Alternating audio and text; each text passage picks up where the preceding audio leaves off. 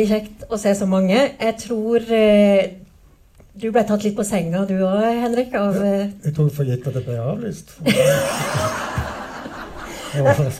Nei, for det, det, er jo, det er jo interessant altså, du, sa, du sa i et intervju altså, Vi skal komme inn på dette med prisen og alt dette, men du har sagt i et intervju eh, at som mange andre forfattere opplever jeg å bli mindre og mindre kjent.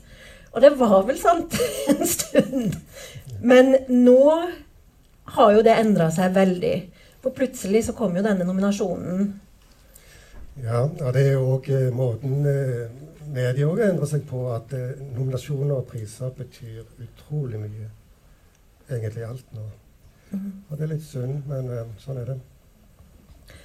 Det var jo veldig interessant å se når du går nå og ser nå hva som skjedde etter den nominasjonen. For det var litt sånn jakten på Nord Hansen. Plutselig så skulle alle finne ut hvem dette var.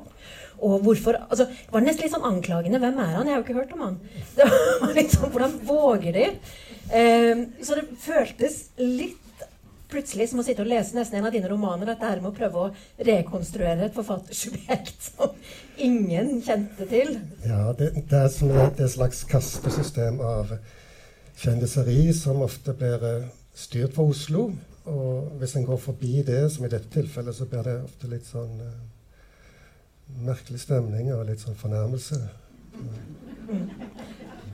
For du har forandret Altså din tilværelse som forfatter har forandra seg nå? Ja, jeg har fått lesere. Ja. Det er fantastisk.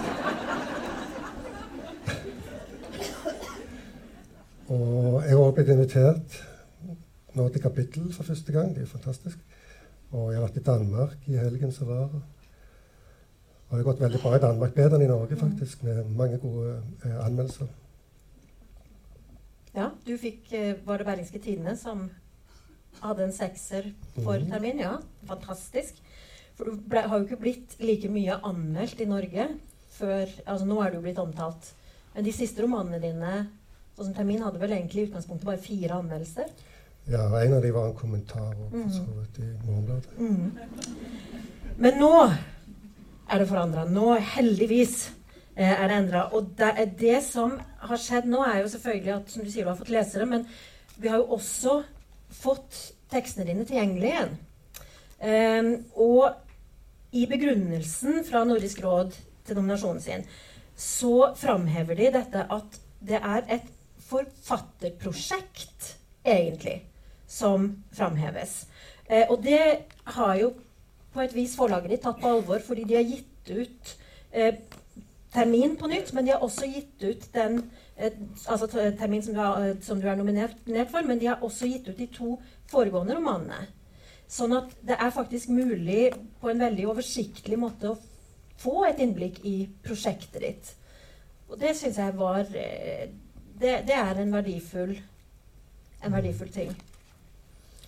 Ja, nå er det flyplasslitteratur. Er det blitt en kioskvelter. altså, kan jeg si at dette her er altså tre romaner, men det er mindre enn 200 sider. Det er, eh, det er overkommelig. Det er, veld, det er veldig fint. Eh, nå har jo jeg en svakhet for disse små enkeltbindene også. Det er et veldig godt format, men glad for å ha det, eh, samla her. Men disse romanene dine Vi skal snakke mest om termin, men jeg har litt lyst til å bare gå tilbake, siden som sagt det er prosjektet som er framheva her. Så består da disse dette eh, eh, Denne utgivelsen her den består altså av eh, den første som heter 'En redegjørelse for reisestipendet 2010'. Den andre heter 'En kort evaluering av psykososialt stress'. Og så er det da denne siste, 'Termin'. Og dette her er jo titler som er annerledes enn mange andre eh, som utgis nå. Eh, og det sier du at nå, nå må du begynne å endre litt på det. Ja, det, nå ble det for oversiktlig. Nei, men eh, disse tingene kommer jo eh, gradvis fra en redegjørelse. At språket endrer seg mot en mer eh, saklig stil. Og eh, jeg tror, føler òg at det, det går parallelt med denne veksten av virkelighetslitteraturen, at jeg vil gå i motsatt hold. Med mindre emosjoner, mindre personlighet, mindre fokus på det enkelte. Mm. Det har jeg lyst til å komme litt tilbake til etter hvert. For at det, det er jo likevel en speiling av en virkelighet som du etter hvert beveger deg veldig inn i, da. En nesten ubehagelig virkelig eh, Et nesten ubehagelig virkelig språk. Og eh, eh, reelt eh, på en måte, Det kan vi komme tilbake til. Eh, den første romanen er altså en redegjørelse for Reisestipendet 2010. Det har jo da, Tittelen der har jo form som en rapport. Og det er jo som en sånn slags byråkratisk avkreving. At du har fått noen midler, du har fått noen penger, og vi må vite hva de er brukt til. Men det er det jo ikke. Det er jo ikke noen rapport i vanlig forstand. Nei.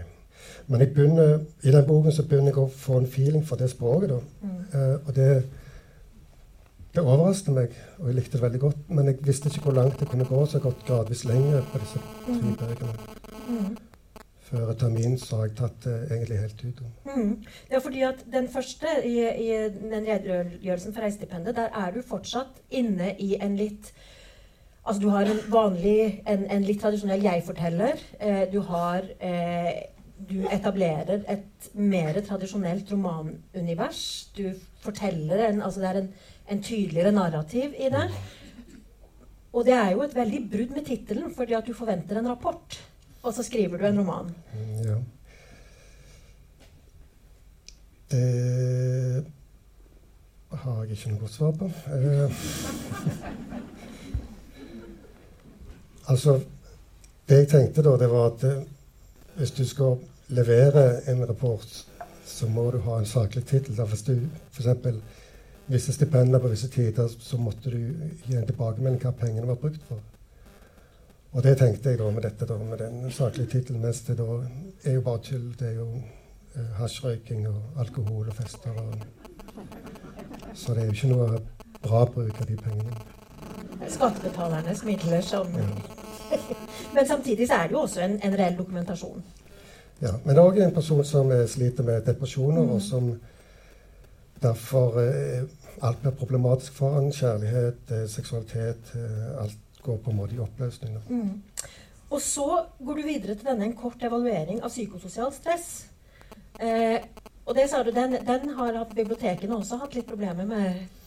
ja, jeg har sett på nettet at enkelte har satt den under psykiatri. Det er ikke til å anbefale hvis noen har noen psykisk Henrik har sagt hvis dere sliter, så ikke, ikke, ikke les den. Det er ikke dit du skal da. Men der nærmer du deg jo det språket som du, som du har i termin. Nå er du på vei inn mot det. Hvordan Hva, hva er det du vil med den? Uh, det at den, den blir sånn mellomting da. Jeg har fortsatt litt for mye tendenser til humor. Og litt for uh, lite ubehag. Så den, den blir sånn mellomtrinn, da. Men, uh, men jeg føler òg at det er den type jeg-person som jeg har brukt, eller den type enkle mannen, da, mm. som, eller outsideren, og den som jeg har hatt helt siden starten av forfatterskapet, den begynner jeg plutselig å innse kan være ganske farlig. Mm. Og det begynner da å gå videre i termin at, uh, at den, den, som er offer, da, spesielt man, mannlig offer, kan snu og bli en farlig figur. Mm. Mm. Og det er jo veldig tydelig i dette prosjektet ditt. Det er jo en framstilling av en maskulinitet. Og det er det jo, det er jo mye veldig mye skjønnlitteratur som er framstilling av maskulinitet. Og veldig ofte så er det fryktelig langt. Eh, og det er veldig det, det, er veldig introverte betraktninger om cellet og det maskuline cellet, eller da det menneskelige, selvfølgelig, fordi det er menn som skriver. Eh, mens her, og særlig i Termin, så framstiller jo du et, eh, et veldig, en, en maskulinitet veldig fra utsida. Du får ikke noe tak på denne personen egentlig som et selv. Nei. Nei, men det, det er da noe annet som skjer i romanen. da, At eh, det språklige altså den, Det kunstneriske virkemidlet begynner, virke, eh, begynner, å komme ut på en annen måte. Sånn at eh, Jeg vet ikke helt hva som skjer, men jeg bare merker at det fungerer, og så Mm. lager det gå videre. Mm. Ja, for det er utrolig virkningsfullt. Og det, det du gjør eh, i mye sterkere grad, som du var inne på, i termin enn du gjorde i, i psykososial stress, det er jo det at du, du gir romanen et nesten litt sånn klinisk journalaktig språk. Det er som om Eller den, denne mannen blir bare betrakta fra utsida, og ingenting som blir eh, beskrevet, er sikkert. Det er alt er liksom litt tentativt, samtidig som det er ført i pen dette er veldig eh, bastante språket, egentlig. Ja, eh, jeg har tilbrakt en del tid på sykehus av eh, andre årsaker enn vold. Eh, og da fikk jeg en lese denne journalen, og da begynte jeg å interessere meg. For når en er syk og har plager på sykehus, fysiske plager, så, så blir en veldig egosentrisk og veldig opptatt av dette. Og da var det fantastisk å få lese den distansen eh, og se meg i perspektiv at det, dette er bare en sykdom som mange har. og mine egosentriske plager er helt irrelevante egentlig for legen. For de konsentrerer seg om sykdommen. Mm. Og så er det jo sånn at du har Og det har du jo for så vidt i alle tekstene dine her, men altså det er jo også en veldig stedsspesifikk roman. Det handler jo også om oss. altså Det handler om Stavanger, Stavanger-området. Det er jo på en måte en kriseroman både om et individ i dyp krise, og egentlig da også no, altså Denne krisen speiles også i det samfunnet rundt og i det samme nøkterne språket. Nå er det sikkert mange her som ikke har fått lest eh, Henrik Nord-Hansen ennå, så jeg lurer på Vi snakket litt om at du kunne få lov til å lese åpningen, som jo både eh, har han, han vil ikke ha bifokale briller, sier han, så nå eh, driver han og Henger litt på det. ja. Men åpningen som både viser denne eh, eh, steds, altså kollektive krisen, og den individuelle krisen som inntreffer. På begynnelsen av 90-tallet gikk Norge inn i en periode med langvarig økonomisk vekst. Boligprisene steg. I Stavanger og Sandnes ble det stadig verre å komme inn på boligmarkedet. Mange unge søkte ut av pressområdene. Romersvåg var blant de småstedene som opplevde tilflytting. Befolkningen fikk gradvis en annen sammensetning. Det kom gjennomgående endringer i lokalmiljøet. Det ble utbedring av vei og båtforbindelse. Hele perioden var preget av høy aktivitet på norsk sokkel. Veksten i olje- og gassindustrien forplantet seg videre i regionalt næringsliv. Man så store sosioøkonomiske ringvirkninger. I denne framstillingen følger man Kjetil Tuestad, som våren 1998 giftet seg med Ann-Elisabeth Larsen. De hadde kjøpt hus på Ommersåk. Kjetil var 26 år gammel. Han arbeidet som elektriker ved Rosenberg verft i Stavanger. Sankthans samme år ble han funnet grovt mishandlet i utkanten av Hommersåk sentrum. Kjetil var ikke ved bevissthet da legen ankom. Etter en kort undersøkelse ble han fraktet videre i luftambulanse til akuttmottaket ved Stavanger universitetssykehus. Der påviste de hjernerystelse, ansiktsfrakturer, bryst- og ribbeinsbrudd. Kjetil lå flere timer til observasjon. Hodeskadene ble sagt å være alvorlige. Han kom til bevissthet i morgentimene. Dette her er jo en Altså dette er jo anslaget for hele romanen. ikke sant? Og det er jo en grusom hendelse. Det er en forferdelig traumatiserende voldshendelse han utsettes for. Og når du leser, så er det nesten sånn at du går glipp av det, for det bare det, det, det bare gjengis så nøkternt. Og så ble han slått ned, og så gikk vi videre, og så eh, ble han lagt inn på sykehuset. Eh, og det, det er denne, dette blikket som, som du sier, dette kliniske blikket nesten, hvor skjebnen, livet, ikke er viktig.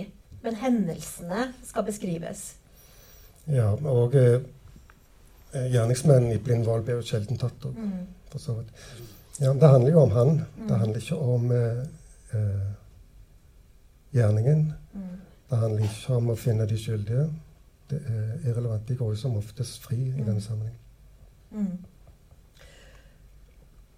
Dette her er jo Her står jo da eh, Kjetil, hovedpersonen din, på, hva skal jeg si, på terskelen til det nye, voksne livet. Han har gifta seg, han skal flytte inn i hus, han skal på en måte ta fatt på det som vi har trent på eh, gjennom barndom og oppvekst. Altså nå, nå skal det voksne livet begynne. Og så inntreffer på terskelen til dette nye livet, så inntreffer denne hendelsen. Ja, og så mister han fullstendig tilliten til samfunnet rundt seg. Mm. Eh, det er jo veldig vanlig med folk som blir utsatt for sånne ting, at de, de får eh, lange, langvarige skader, psykiske skader.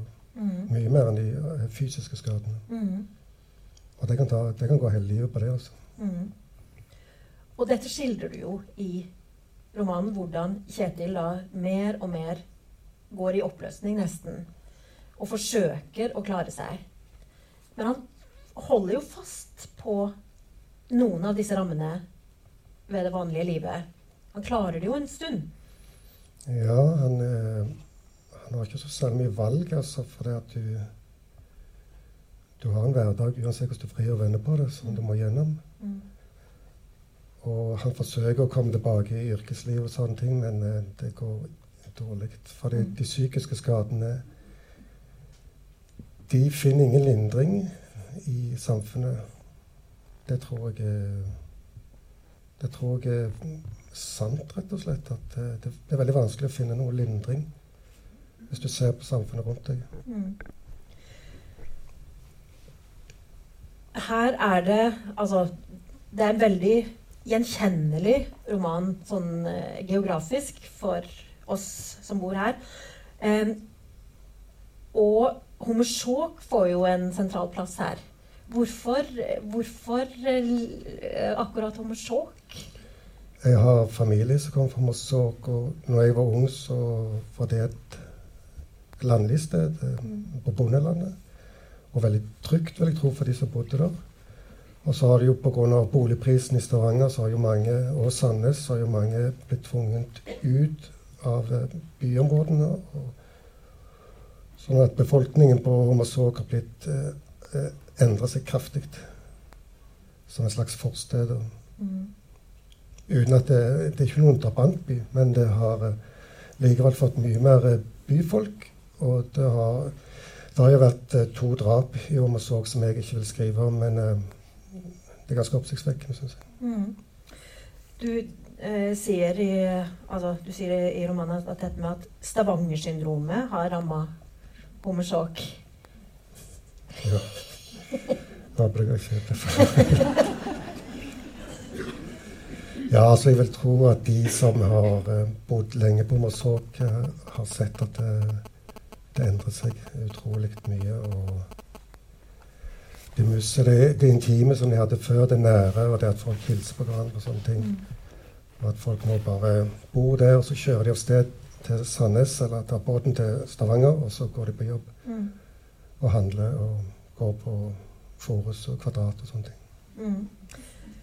Det, er jo, det er jo nesten en litt sånn parallell utvikling her gjennom det Kjetil opplever denne fremmedgjøringen, det å miste nærheten, relasjonene i sitt eget liv og til seg sjøl, og det som du beskriver også veldig nøkternt om samfunnsutviklingen? Ja, altså det Blikket mitt er jo, det er jo på en måte en psykisk, en psykisk verden, dette er som er min. Den er jo ikke faktum. at folk kan oppfatte dette samfunnet på, på en fin måte. Men jeg har et veldig pessimistisk livssyn. Eh, det vil si ikke livssyn, men framtidssyn. Og det har jeg hatt helt siden ungdomstiden med, med venner, at vi så at dette, dette går jo ikke. Eh, dette er et stort tog som er på vei ut forbi stupet i form av forurensning. Da. Og dommedagsklokken står tre minutter på tolv. Og dette, dette, har jeg egentlig hatt hele mitt voksne liv. Det har gjort meg fryktelig pessimistisk. Og da hjelper det ikke så mye med, med oljepenger. Det gjør det bare verre.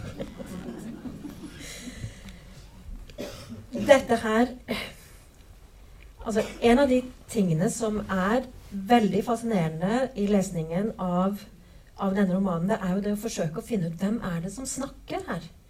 Fordi du har en slags Altså, det er en slags mannfortelling. Og det er en fortellerstemme som hele tida altså, observerer fra utsida som, eh, som vi sier, altså en journalføring, nærmest. Eh, men som aldri fastslår noe. Det er liksom Hele veien så er det 'det skal ha skjedd'. Hun sier at dette har foregått. Han forteller hvordan han opplevde. Eh, og hele tiden er det ting som skal ha skjedd. Så det er helt tydelig at man har fått fortalt Kjetils historie. Han har fortalt den, men den er jo ikke til å stole på. For er hans, vi har bare hans ord for det. Ja, den, den foregår på en måte i nåtid, og så ser det tilbake. Mm. Men den nåtiden er abstrakt. Altså det, det, er ikke klart om det er en legerapport eller en politirapport eller en psykiatrisk rapport. Eh, men det vil jeg heller ikke skrive ut, for at jeg følte det, den, det abstrakte fungerte bedre. Da, og ga mer ubehag enn eh, om jeg skulle gått i den ene eller andre retningen. Mm. Det blir jo også veldig, en veldig vekt på at hvis det ikke kan hva skal jeg si, dokumenteres, bevises, observeres, så er det ikke sikkert det har skjedd. Ja, men nå, det som er forbrytelsen her, kan du si, det er jo òg eh, selve samfunnet. Mm. Men det er jo ingen som kan stilles til ansvar for det. Hva mener du med det at forbrytelsen er selve samfunnet? Men altså, Samfunnet blir kaldere. Eh, eh, oljerikdommen har jo en stor innvirkning på det. At vi har blitt mange flere i, i regionen. Vi har eh, vi er mye på nettet. Vi omgås mindre. Eh, vi kjører mer i bil direkte til kjøpesentrene. Og det er ingen som, kan, ingen som har skyld for det. Det er oss alle som lever på en ny måte. Og det var det jeg ville med, med dette abstrakte, da, at eh, det, det, det, er ingen som kan tas. På samme måte som når blindevolden mm. heller ikke kunne være noen som kunne tas. Mm. Og det er jo det som er en av de fryktelige tingene i denne romanen. Nettopp dette uavklarte. Dette med at det ikke finnes noen løsning eller noen slutt på dette? Noen avslutning? Ja. ja det er jeg enig i. Så bra! Og dette her er jo Altså, nå, nå, vet jeg at dette kanskje ikke er det dere tenker mest nå, selv om dere ler, men det er jo eh, denne måten du beskriver det på, og denne eh, denne tilbaketrukne, nesten kliniske beskrivelsen eh, gir jo også altså det, det, det, det, fører også til en, at dette her er en roman med veldig mye humor i dette. Men veldig svart. En helt sånn absurd humor. Nettopp fordi det går så langt inn i detaljene og inn i det kliniske. Ja, og det med humoren må, må hele tiden balanseres. for at Jeg stryker alltid det humoristiske, men eh, jeg stryker òg eh, hvis det blir for på en måte demonstrativt eh, saklig. Så, så, kan det bli sånn litt ufrivillig humor. Det prøver jeg òg å stryke vekk. Men så er det noe humor likevel som jeg lar passere. som regel så er det Eller ikke som regel, men det er mange som ikke ser den humoren. Så jeg er veldig glad for at du, du ser det. Ja, det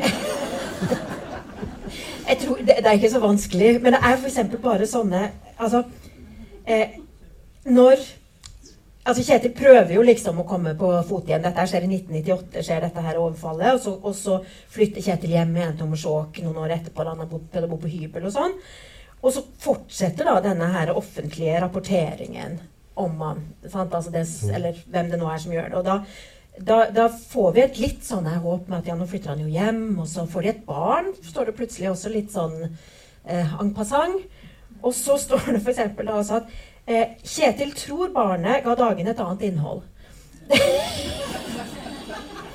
altså, det, det, er liksom en flathet i dette som formidles.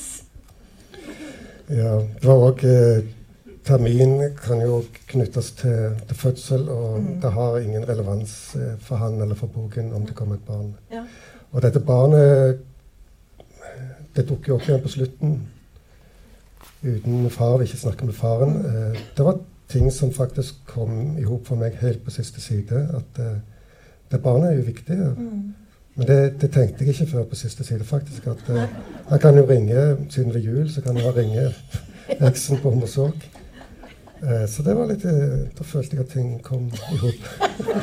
så flaks. Det kom i mål. så bra. Nei, men det er jo, og Jeg er veldig glad du sa det om termin, for det, det, har jeg jo sett i noen av anmeldelsene. At de går til bokmålsordboka og ser liksom, hva er betydningen av termin, og så er det frist og alt dette der. Og det er klart, For veldig mange kvinner så er det veldig uvesentlig. fordi at termin har for veldig mange av oss det har én betydning. Og det er den dagen du skal føde, rett og slett. ikke sant? Og det var helt fraværende. Nå var det bare det var det mannlige kritikere som hadde sett på dette. da. Men så tenker jeg det er jo også dette med Altså denne fristen er jo både en fri, vi, vi, bruker det både når det gjelder fødsel, og så bruker vi det jo også om den andre endelige fristen som vi alle forholder oss til. Altså vi snakker om terminalpleie f.eks. Altså vi har en livsfrist. Ja, og det betyr vel òg eh, Om jeg ikke husker feil på latin, betyr det grense. Mm -hmm. uh, så det er jo ting som Men eh, det med å finne titler, det er jo på en måte å unngå ting som har blitt brukt for mye. altså Hvis titlene er for poetiske, eller hvis de er for eh, megetsigende eller for smarte og sånne ting. Så det, det jeg søkte noe veldig eh, saklig, noe veldig nøytralt. Mm. Det klarte du. Ja. ja. um, men denne sakligheten og nøytraliteten er jo det Altså det er jo det som gjør denne leseopplevelsen også veldig vond. Fordi det du beskriver, er jo grusomheter, faktisk. Altså, du går jo inn i vold. Um, både det som skjer med Kjetil, men altså det er veldig mye vold i romanen. Og alt beskrives litt sånn klinisk og, og tilbaketrukket. Um, og blir ubehagelig. Det blir helt påtrengende for leseren. Ja, eh, for øvrig det med dyrehvalen her, det har jo mm. skjedd uh, i virkeligheten. Um, den øvrige volden er effektiv. Ja. Men, jeg, men jeg tenker òg at dette er en hovedperson som uh, blir mer og mer farlig. Mm. For at hele hans verden blir mer voldelig. Mm. Og det kan tenke på altså Breivik-massakren påvirker skrivingen på den måten at en trenger ikke lenger utdype hvorfor en person kan være farlig. For det at ubehaget er er noe for oss umiddelbart. Mm. At det er som å åpne en kjellerlem i menneskesinnet og si at oi, det er enda en kjelleretasje her. Mm. Altså hvor lavt skal vi komme? Mm. Og det følte jeg òg med skrivingen, at det her det kan jeg bare antyde, for dette, denne personen kan være farlig. Mm. Og du antyder jo Du, du sier f.eks. Altså, det, det, det, bare kommer plutselig til syne. Du sier sånne ting som at han var på denne tiden heller ikke særlig preget av hevntanker. Og så går det opp for deg at ja, men det betyr jo at en annen gang mm. det, må, Han må jo være prega av hevntanker, da, men han var det ikke akkurat da. Ja, da. Og han begår jo òg en voldshandling senere, mm. nesten litt sånn spontant faktisk. Mm. Så, og irrelevant, irrelevant offer. Mm. Ja, sin egen Altså han blir en utøver også av mm. vold, og blind vold, nærmest. Mm. Det, det, er veldig ubehagelig, men igjen hele tida dette tilbaketrukne journalspråket hvor du heller ikke vet om det er sant eller ikke. Ja. Det var en anmelder som uh, påpekte at uh, han kanskje har skrevet det sjøl. Og det var noe som jeg òg tenkte underveis, mm. at det er faktisk mulig. Men eh, ja, måtte mm. bli med det. Og så kommer det inn andre ting. Altså Du har f.eks. Du gjør bruk i denne romanen, og det gjør du ikke i de andre, altså, men du gjør bruk av fotnoter. Og de er også veldig pussige. Mm, eh, ja, jeg liker fotnoter fordi jeg gir dette dokumentariske preget. Mm. Men òg så blir det at du på en måte går inn og nyanserer noe. Mm. Men så kunne det liksom godt vært i teksten. altså Du, du får en splittelse i, i, i en scene. Mm. Og som sikkert kan virke forstyrrende på lesningen, men det òg ødelegger denne her fiksjonen at du Altså Mye av litteratur handler om at du på en måte ser en film som begynner, og så skal du dras med i denne handlingen i filmen. Men med fotnoter så blir det det de kaller på for en forframdungseffekt. For de som kan tysk, er kanskje tysk, men uh, En fremmedgjøringseffekt, fremmedgjøring. Ja. ja. Men også det som står i fotnotene. altså Tradisjonelt så er jo fotnotene det er saksopplysninger. Det er liksom det, det, er, det er det saklige, men det jo, blir jo mer og mer i disse fotnotene dine et glimt inn i noe annet. Og også, som du sier, det kun, ting som, som like så godt kunne ha stått i teksten. altså For eksempel, så sier du altså det Eh, her, her, er den vanlige teksten står det da det oppstått en situasjon der Kjetil Tuestad unngikk all menneskelig kontakt. Han skal ha gått lange turer i hjembyen Stavanger. Og så er det fotnote fire. Kjetil Tuestad sier han alltid gikk opp mot Eiganes og Eiganes gravlund. Det var ofte disig, ingen vind. Enkelte dager skal Parkvesenet ha arbeidet på gravlunden. Kjetil mener å ha hørt hekksakser over hele nabolaget. Altså, det er liksom Det kommer mer og mer underlig informasjon inn gjennom disse fotnotene ja. dine? Ja, det, det, ble på en måte òg en, en, kvern av uinteressant informasjon. Mm. Som eh, Det ble vanskelig å gripe fatt i noe eh, relevant. Mm.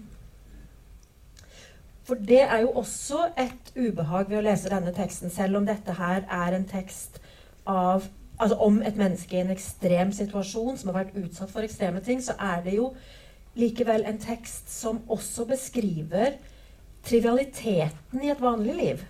Mm. På detaljnivå. Og det føles også veldig absurd med tanke på ens egen hverdag av og til, og det en selv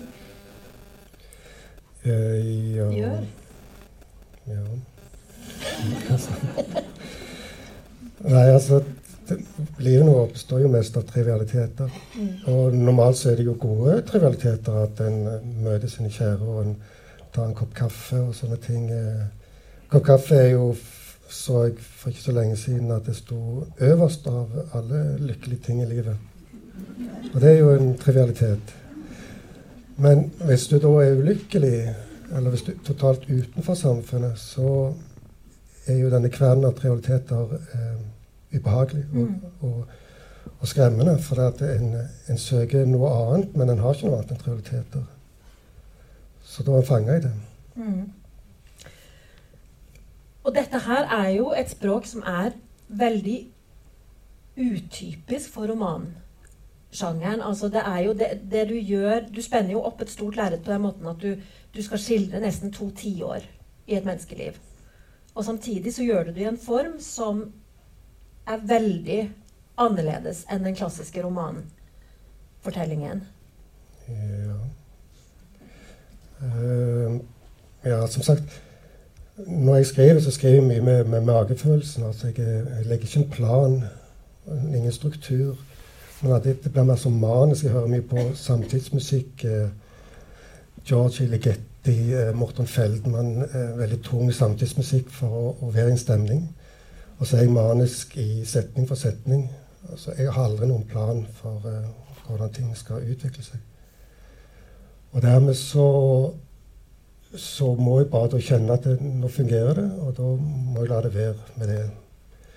Forlaget syntes jo at det kanskje burde, spesielt på denne her, en kort evaluering av psykososialt stress, at det skulle komme til en ordning. Men så vi, var de enige da at uh, bare la det være. Stol på leseren, og at leseren sjøl kan finne ut i ting. Mm. Jeg er veldig glad det ikke er noen ordning på det, for det er jo ikke en tradisjonell narrativ.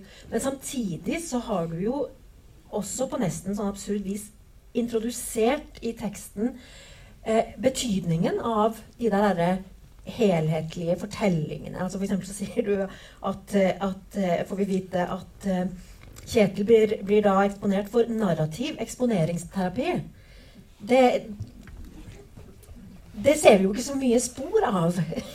Eh, nei, men det, det, går jo inn det at eh, boken, hvis han har skrevet det sjøl, at det var en, en mm. mulig lesning, at, eh, at det blir eh, en, en, narrativ eksponeringstid terapi for han å skrive dette. Mm. Eller mm. ja. ja. Og det står jo også at han forsøker å skrive om hendelsen, og, og, og lagt ut noen sånne mulige Mm. spor, i hvert fall. Men her er det jo, og det, det har jo også eh, begrunnelsen og også anmeldere eh, sett på dette med hvordan selve språket ditt også reflekterer en form for vold. Altså dette språket er også en voldsutøvelse. Ja. Eh, og det ligger det vel da i likegyldigheten, antar jeg. Fordi eh, den som skriver dette her, bryr seg virkelig ikke om hvorvidt det går bra eller dårlig med Kjetil Tustad. Mm. Eh, og det er Det er essensielt. Men jeg, jeg klarer faktisk ikke å overblikke akkurat den siden. For det her er det noe som fungerer i romanen. Mm. Og, og da blir det på en måte smartere enn meg, for det, det tar over et sted. Jeg klarer ikke helt å overblikke det. Mm. Og det, det, er, det er der jeg har lykkes best, tror jeg. altså. Mm. Fordi det, det er jo nesten en sånn refleksjon av et samfunn der dokumentasjonen av hendelser er viktigere enn hendelsen. Altså der eh, dokumentasjonen av livet, det at noen kan krysse av på at det har eksistert, det er viktigere enn selve det som skjer. Ja. Et slags rapporteringssamfunn. Mm. Ja, det, det kan jo òg tenkes Altså F.eks. Eh, flyktninger vil jo òg få en voldsom eh, journal, vil jeg tro. Mm. eh, hvor deres lidelser er totalt irrelevant. Eh, og, det, og, og i psykiatrien, i politirapporter osv., så, videre, så har de jo dette denne byråkratiske eh, Nå mener jeg ikke på noen måte å snakke negativt om de som har sånne yrker, de gjør jo òg mye, mye godt. Men eh, det er ikke til å unngå at de får en distanse, for de kjenner jo tross alt ikke de de skriver om. Mm. Og det Det er jo også blitt påpekt dette med at eh, noe av det som skjer i, i disse tekstene, eller denne teksten spesielt, da, det er jo det at vi skjønner at dette livet kunne ha blitt framstilt på en helt annen måte. Altså den kunne ha fått Det kunne ha fått et helt annet språk. Og blitt oppfatta som noe helt annet. Ja, Men da kommer jo da innledningen med at han ble utsatt for blind vold. Og det kan skje oss alle. Det kan være en trafikkulykke òg. Det kan være plutselig sykdom. Det kan være plutselig dødsfall i familien. Eh, sånne ting. Hvor livet vårt plutselig går inn på et helt annet spor. og Det kan vi ikke overblikke, rett og slett. Sånn, sånn er livet. Sånn er verden. Samtidig så åpner jo også dette her for altså, For meg i hvert fall så ble det veldig tydelig at denne måten å framstille på, altså journalen, byråkratiet, eh, overblikket, avstanden, det er jo også en fortelling. Og det er også en fortelling om oss som faktisk betyr veldig mye for oss. Men det er ikke en fortelling av oss. Ja eh, Det er noe rart med samfunnet vårt. Altså, vi har eh, Altså, optimistisk tenkning har ødelagt fryktelig mye for uh, framtidsutsiktene våre, tror jeg. For at eh, vi, altså, vi, vi har gode liv. Eh, men så er det noe galt med framtiden. De fleste tenker jo som så hvis noen har barnebarn, at eh, det ser ikke bra ut for de eh, når de skal vokse opp, si om 50 år og så. Men like fullt så er jo alt normalt. Og like fullt så har vi trygghet og, og normal hverdag. Men eh, framtiden er liksom bare en mørk gardin som trekkes ned, og så, så klarer vi ikke helt å gjøre noe med det. Det, det er noe som jeg har eh, egentlig hatt i hele mitt voksne liv, at eh, det er fryktelig ubehagelig og slitsomt. Og jeg har ikke noen gode svar heller. Du har noe, noen gode svar, vil jeg påstå. Ja, altså, jeg, jeg, kan, eh, jeg kan peke på ubehaget, men jeg kan ikke peke på noen løsning. Men du forholder deg ikke bare til det vanlige A4-livet. Sånn, det har vi jo hørt Skal du forsvinne igjen nå, eller? Eh, Ja, vi, har en seilbåt i Canada, og så har eh, vært på langfartsseiling i ti år. Så den, den forrige båten vi, solgte vi på Fiji, og så kjøpte vi en ny i Canada. Og det er jo på en måte en eh, flukt, men jeg er fryktelig glad i å seile og vokste opp med det. Med jolleseiling og konkurranseseiling og sånne ting. Og når vi gifta oss, da, så gikk vi til banken, for alle sa du må jo kjøpe hus eh, eller leilighet. eh, Men da sa de at du er jo forfatter. Så du får ikke noe får ingen boliglån. Og da tar jeg vekk den skyldigheten. Men jeg kom på at eh, vi kan jo kjøpe båt. Så kjøpte vi en 26 fot seilbåt i Haugesund, og så fant vi ut at det var ingen vits å være her i, i regnet. Så, så seilte vi, da. Og den eh, Ja, den ble til slutt solgt i Fiji. Så det, det er jo òg mye Mange spør hvordan har du råd til det, men det er jo mye billigere enn å bo i Stavanger og Norge. For det at vi bor i billigere land. Vi har en liten båt. Eh, Det var ingen motor heller, så vi hadde ingen, eh, egentlig ingen utgifter på, på den. Det er i hvert fall veldig eh, fint at du har brukt den tida vekke fra Stavanger til å faktisk da komme med dette blikket på oss og på dette livet her. På Ja, det, den verden. det er nok litt lettere å se ting på avstand. Mm. Det er veldig viktige tekster. Det er gode tekster. Jeg er utrolig glad for at uh, de er løfta fram nå. At du har fått den eh, reklamen du ikke nødvendigvis alltid har vært så glad for å gi deg sjøl. Har jeg forstått? Nei, jeg, jeg, har hatt en del eh, sosiale fobier. må jeg si. Eh, Nå plutselig går det veldig bra av en eller annen grunn. Men jeg, jeg var vært i Helsingør og Århus i helgen, og på Århus fikk jeg helt uh, fnatt. Jeg ble fryktelig nervøs. Jeg vet ikke hva som utløste det, egentlig, men eh, eh, det var jo bare mye mindre folk enn nå. Men eh, Så derfor har jeg aldri egentlig vært så glad i å reklamere for meg sjøl heller. eh, eh, Men med den nominasjonen og så følte jeg at jeg måtte komme ut av skapet. Og, ja, så det var eh, Det var ikke bare en ære, men det var òg eh, plikt Mm. å våge å være forfatter. Eh, for det jeg skylder jo Norge og skattebetalerne at jeg representerer Norge. Da. Fryktelig glad for at du gjør det. Veldig glad for at du kom hit. Godt at du kom hjem og snakket med oss. Så håper jeg du får nå ut til veldig mange flere, både med bøkene dine og i offentlige rommet, sånn som nå. Mm. Tusen takk skal du ha. Tusen takk skal dere ha for at dere kom.